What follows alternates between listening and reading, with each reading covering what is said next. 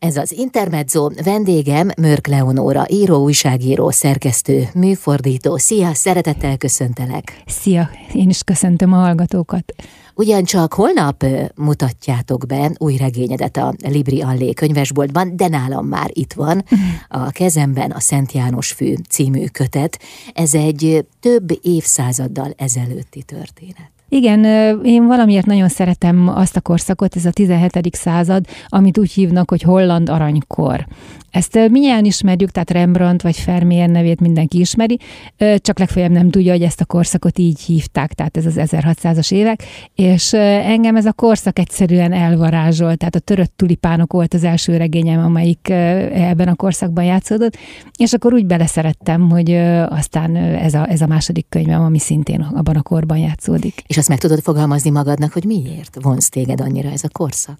Egyrészt a, a, a festészet, tehát ez volt az az időszak, amikor a hollandoknak elkezdett olyan jól menni, hogy mindenkinek, vagy majdnem mindenkinek jutott pénze festményre. És akkor nyilván nem mindenki Rembrandtól rendelte meg a portréját, de annyi pénze mindenkinek volt, hogy, hogy jobbnál jobb mestereknek a képeiből vásároljon. És a holland polgár az saját magát akarta viszont látni, és a saját milliójét akarta viszont látni a képein, és ezért érezzük annyira reálisnak, és annyira elevennek ezeket a képeket a mai napig. Tehát meg, meg, megállunk egy ilyen előtt, és azt érezzük, hogy hát mi bele tudunk sétálni ebbe a képbe. Úgyhogy én ezt a korszakot és ezeket a képeket nagyon szeretem, és akkor így kezdett el foglalkoztatni, hogy végül is hogy éltek ott akkoriban az emberek. Magyar vonatkozása is van, mert Magyarországon akkor nem volt egyetem. Ugye ez a három része szakadt ország ideje, és nem volt hova egyetemre járni. És főleg Erdélyből nagyon sokan jártak holland egyetemekre, Leidenbe, Fránekerbe, ami az egyik helyszín helyszíne az én regényemnek is. Ütrechtbe mindenütt ott vannak az emléktáblák, hogy hány úgynevezett peregrinus, vagyis vándor magyar diák tanult ott, hogy aztán amit ott megtanult, azt hazavigye, és otthon tudja a mesterségét űzni, akár nyomdász volt, akár orvos volt, akár lelkész volt. Nóra, egy ilyen könyv megírása nem kevés nyomozati anyagot igényel. Hát hol kutatsz? Mm, hogyne, de én eredetileg az egyik szakom nekem történelem volt, tehát valószínűleg ez volt bennem. Valószínűleg már, amikor elgondolkoztam azon, hogy hova fogok majd egyetemre járni, akkor is ez vonzott. Tehát nem a, nem a társadalom történet, vagy, vagy az esemény történet, hanem a, a hétköznapok története. És hát az egyetemen nagyon nem azt tanultuk, úgyhogy ez, hogy, hogy én ilyen könyveket írok, ez lehetőséget nyújt arra, hogy azzal foglalkozzam, amivel utoljára egyetemista koromban, csak itt már én döntöm el, hogy mi az, amit, amit kutatni akarok, és én ezt borzasztóan élvezem. Kutatsz akkor után, hiszen hitelesnek kell lennie a könyvednek. Végül is egyfajta korrajzot igen, igen. jelenítesz meg. De közben maga a történet az mennyire fikció és mennyire valóság? Hát a, a történet az abszolút a, az én fejemben születik meg. Egyszer kérdezte valaki, hogy de hát honnan veszette ezeket a történeteket? És én azt mondtam, hogy a fejemből, és erre az illető nagyon kacagott, holott hát ez a rög valóság, tehát ezek a történetek az én fejemben születnek meg. Mm, előfordul, hogy van a szereplők között egy-egy valódi történeti alak, aki valóban élt. E, ennek a regénynek az esetében is így van. Tehát a férfi főszereplő egy Johannes vagy Jan nevű festő, ő valóban élt, és vele, mármint egy nem személyesen, hanem a műveivel tavaly nyáron találkoztam, amikor Észak-Hollandiában jártam. Ezt Friesföldnek hívják, illetve Groningen a másik tartomány. Ö, általában a magyar turista oda nem nagyon megy. Ez az északi tenger partja, hát egy gyönyörű, gyönyörű vidék, és akkor ott találkoztam az ő által a festett portrékkal.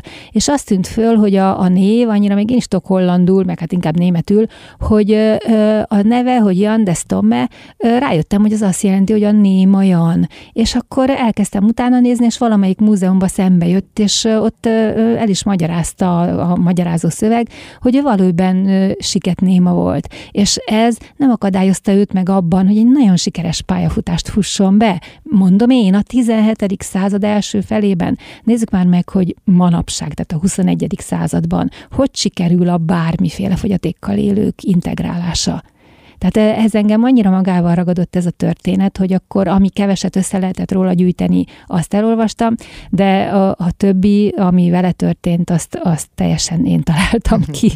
Jövünk még vissza, mindenképpen készülj arra, hogy faggatlak téged a történetről, tehát valamit el kell majd árulni róla, bár biztos nem szívesen teszed. Én szívesen. Jó, hát mindent azért persze nem lehet, de majd mégiscsak a történet szálát azért felvillantjuk a hallgatók előtt. Vendégem Mörk Leonóra író. Ez az Intermezzo vendége Mörk Leonóra, író, újságíró, szerkesztő, műfordító, akinek új könyve már megjelent, Szent János fő címmel. A bemutató pedig holnap lesz Budapesten a Libriallé könyvesboltban. Nóra, az előbb Jandes Tomme festőről beszélgettünk. Bennem az a gondolat is megfogalmazódott, hogy vajon mennyi erőforrással rendelkezett ez az ember, hogy a fogyatékossága dacára képes volt ilyen műveket alkotni. Az engem mondom nagyon megragadott, hogy valaki 400 évvel ezelőtt egy ilyen az életminőséget azért eléggé meghatározó fogyatékossággal is teljesen sikeres életet élt, és ott az észak-holland nemességnek az egyik nagyon népszerű és felkapott festője volt. És akkor utána néztem, és kiderült, hogy ez nem volt annyira ritka. Tehát ez a korszak számtalan, vagy több olyan holland festőt ismer, aki szintén siketnémaként lett nagyon sikeres. És azon gondolkoztam, a, a fogyatékosságukat azt okozhatta, akár születhettek így, de valószínűleg valami gyerekkori fertőzés. Tehát elég volt egy középfülgyulladás, mm. hogy ne tudjon megtanulni beszélni, hogyha előtte történt ez. De engem az ragadott magával, hogy a családjuk nyilvánvalóan, ők minnyáján olyan családba születtek, ahol támogatták őket. Tehát látták, hogy ez a kisfiú fogyatékos, és akkor nem megvonták a vállukat, hogyha istenként majd lesz belőle valami, hanem hogy fejlesztett fejlesztették, tehát azt, amit ma úgy hívunk, hogy korai fejlesztés. Tehát tanítatták írni, tanítatták olvasni, és például ő, mondom, hogy ő, ő valóban élt, és az fennmaradt róla, hogy egyfajta jelnyelvel kommunikált ő a környezetével is, a családjával is, illetve volt egy szolga mellette, és akkor, ha szükség volt rá, akkor azt tolmácsolt.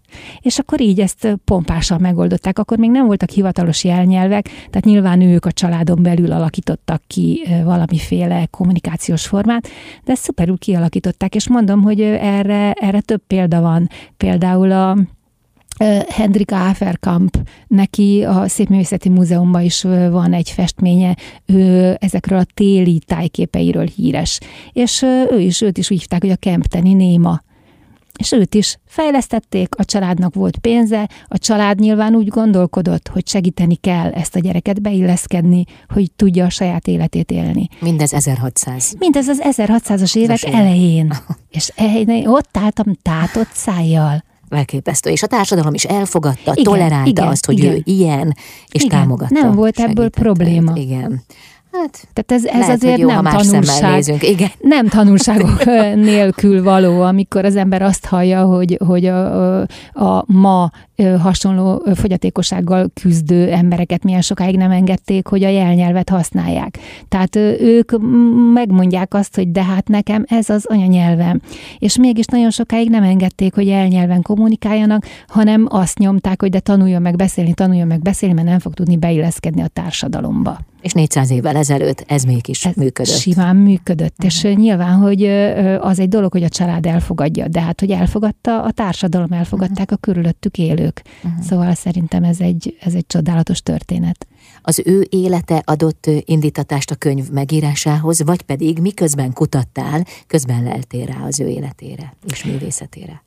Én mondom, hogy tavaly nekem mindig el kell mennem azokra a helyekre, ahol Tudom, játszódni, igen. játszódni fognak a, regényeim, és így kerültem el tavaly nyáron Észak-Hollandiába, és ott nagyon hamar az egyik múzeumba fölfedeztem. De beleszülted a történetét? Az ő nevét. És aztán akkor rögtön tudtam, hogy ő lesz a férfi főhős. Tehát ő az, aki valóban létezett, és egyébként meg mások, akik megjelentek, megjelennek a regényben, ők abszolút az én fantáziámnak a termékei, tehát ő mellé kerestem egy lányt.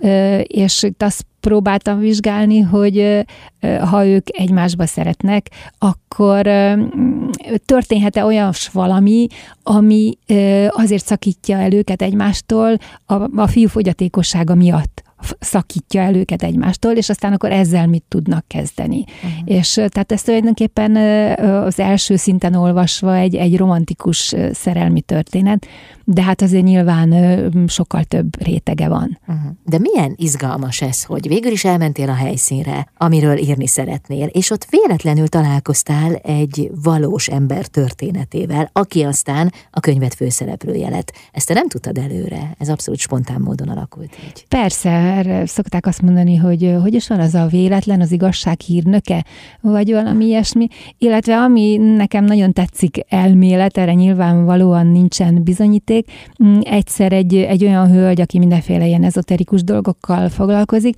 azt mondta nekem, hogy szerinte én ezeket a történelmi regényeimet nem én találom ki, hanem ugye van egy olyan elmélet, hogy az emberiségnek van egy közös tudás kincse, mint egy, mint egy felhő, úgy tudjuk elképzelni, és akkor ahhoz lehet kapcsolódni. Tehát vannak arra példák, hogy valaki, mit tudom én, egy hét alatt megtanul egy nyelvet, és azt szokták mondani, hogy mert ő hozzá kapcsolódott ahhoz a felhőhöz, és onnan lehívta. Hát most ez igaz-e, vagy nem tudod ki, miben hisz, abban üdvözül, de tehát én se tudom, hogy ez igaz-e, vagy sem, valamilyen szinten bizonyára, de én ezt a magamon is tapasztalom, hogy miközben írok, akkor megjelennek különféle figurák, akiket én eredetileg nem is terveztem volna, hogy megjelenjenek a regényben.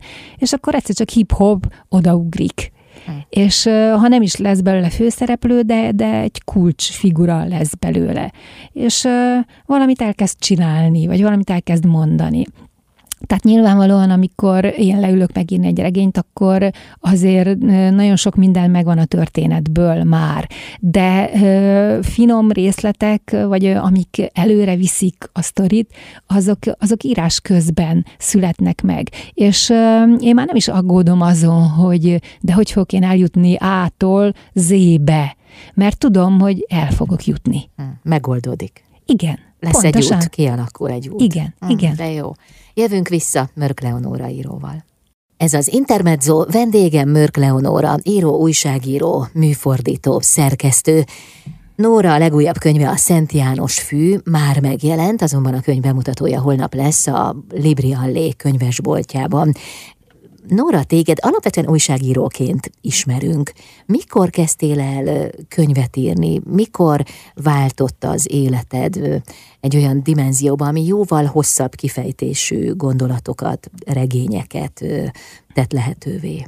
2009-ben én az akkori elnek, az akkori szerkesztőségében dolgoztam, és ott egy újságírói feladatból lett egy olyan hosszúságú szöveg, amiből világosá vált, hogy az az újságban nem fog beleférni. És akkor azt elkezdtem írni, méghozzá ilyen fejezetenként, és valahányszor elkészült egy fejezet, akkor azt a kollégáim kinyomtatták, és elkezdték olvasni. És egyik nap mesélte az egyik kedves kolléganőm, hogy ő este a metrón hazafelé olvasta a következő folytatását az én akkor még nem regénynek nevezett írásművemnek, és hogy arra figyelt föl, hogy elérkeztek a végállomásig, tehát elfelejtett leszállni. Úgy elmélyed benne. És én nekem ez adott először lökést ahhoz, hogy hát akkor ezek szerint A, én tudok hosszasan is írni, nem csak max 10 vagy 8 ezer karakterben, amennyi egy átlagos cikknek a terjedelme, és B, hogy ezek szerint, amit én írok, az másokat képes elszórakoztatni, illetve olyan élményt adni nekik, hogy még elsz, leszállni is elfelejtenek a metróról. Mert lebilincseli őket a történet. igen, igen, igen. Úgyhogy így történt, hogy akkor megírtam ezt az első szöveget, és azt egy kollégám Krudi Tamás közvetítésével elvittem a Jaffa kiadóhoz, akik azóta is az én kiadóim. És ott a, a kiadónak a vezetője, a Rados Rihát, egy darabig hümmögött, ugye, hát jön egy ismeretlen valaki, még soha nem írt regényt, mi legyen, mi legyen, de aztán elolvasta, és azt mondta, hogy na jó, akkor kiadja. És akkor ki is adta. És így indult az én, hogy úgy mondjam, írói karrierem, és aztán akkor ott történt egy más, mindegy, akkor egy ideig nem írtam regényt, és aztán néhány évvel később pedig Németországban jártam, Türingiában, és ott is belefutottam olyan élményekbe, amik egyszerűen életre keltek. Tehát elkezdtek mozogni alakok az én fejemben.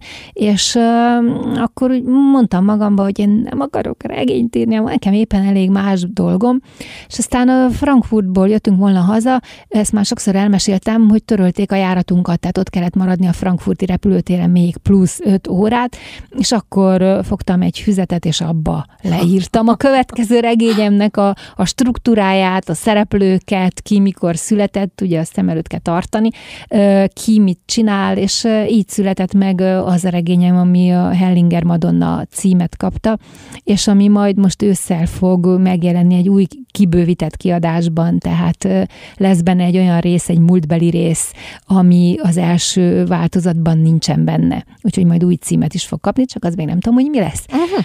És aztán erre nagyon rá lehet kattanni, tehát nekem az mindig hízeleg, amikor emberek azt mondják, hogy őket elvarázsolja az általam teremtett világ. Tehát, hogy belépnek egy világba, mint mondjuk én a holland 17. századi festők világába, és akkor ott tök jól érzik magukat, és ott úgy el vannak, és sokáig ott maradnak. És mikor elolvasták a könyvet, utána is ez a hangulat, vagy ez a világ velük marad. Ennek én mindig nagyon örülök, és azt szoktam mondani, mert ez az igazság, hogy én ugyanebbe a világba lépek be, miközben írok.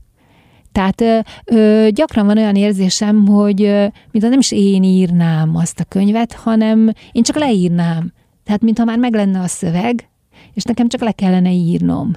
Mondjuk e, ezek azért ilyen ihletett pillanatok, tehát azért a munka nem csak ennyiből áll, meg vannak elakadások, meg nehézségek, de maga ez a hangulat, és ez az érzés, hogy én elmegyek egy másik világba, és akkor ott körülnézek, és mintha én is ott lennék, elvégre anélkül nem tudnám a szereplőket mozgatni, ez, ez ugyanaz az élmény, mint amit az olvasó kap.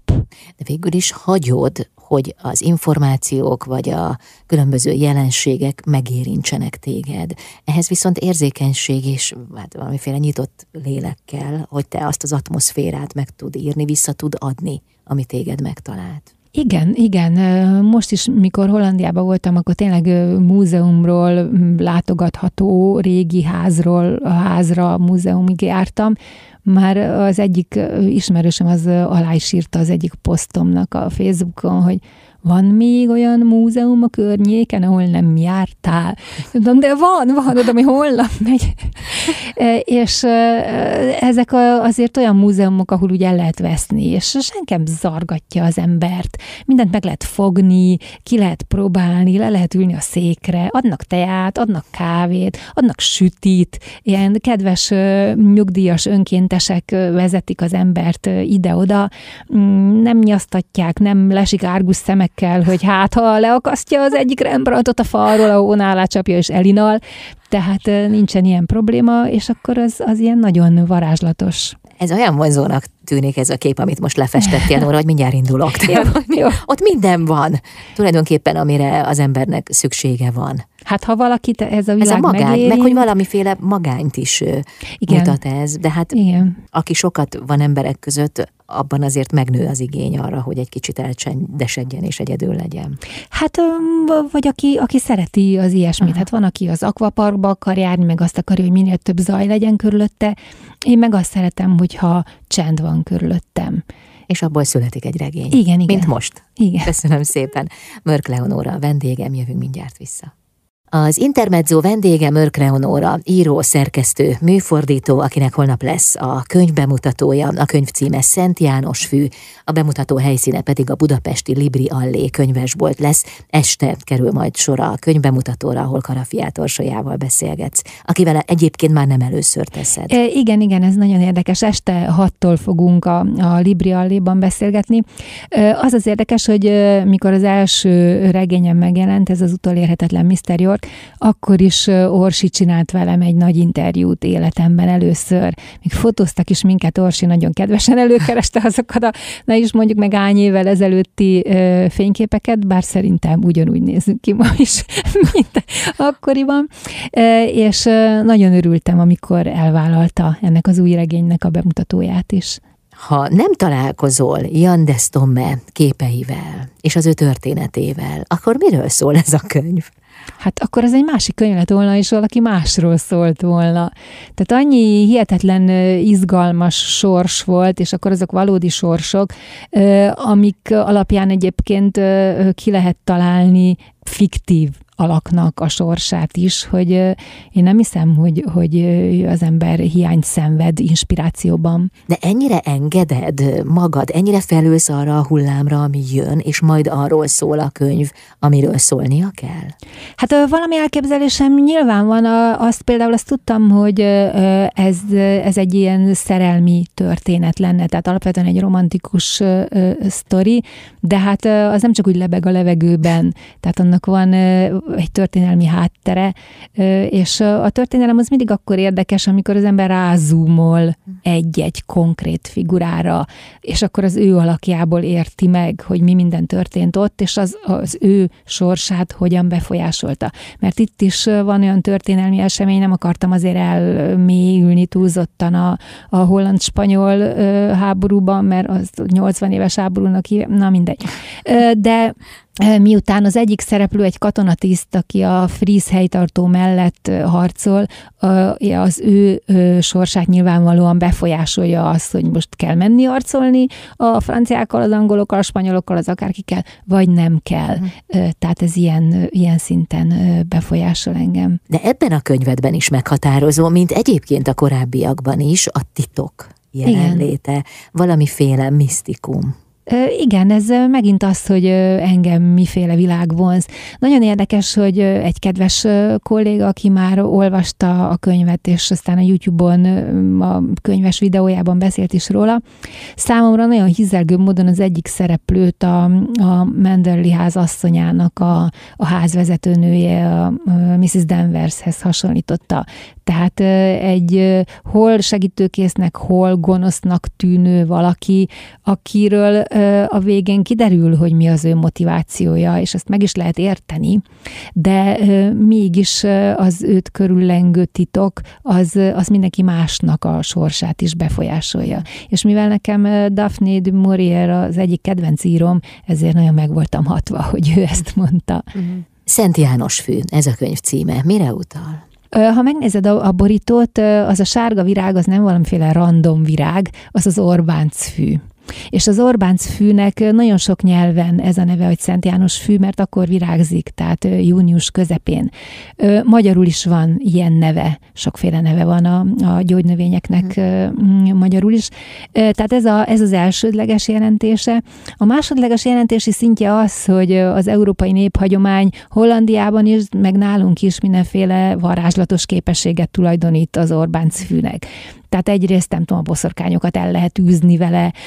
Nekem az Orbán szül a kedvenc gyógynövényem, azt Nyugtató hatású. Stru- igen, igen, stresszoldásra, igen. altatónak, ilyesminek szokták a mai napig használni.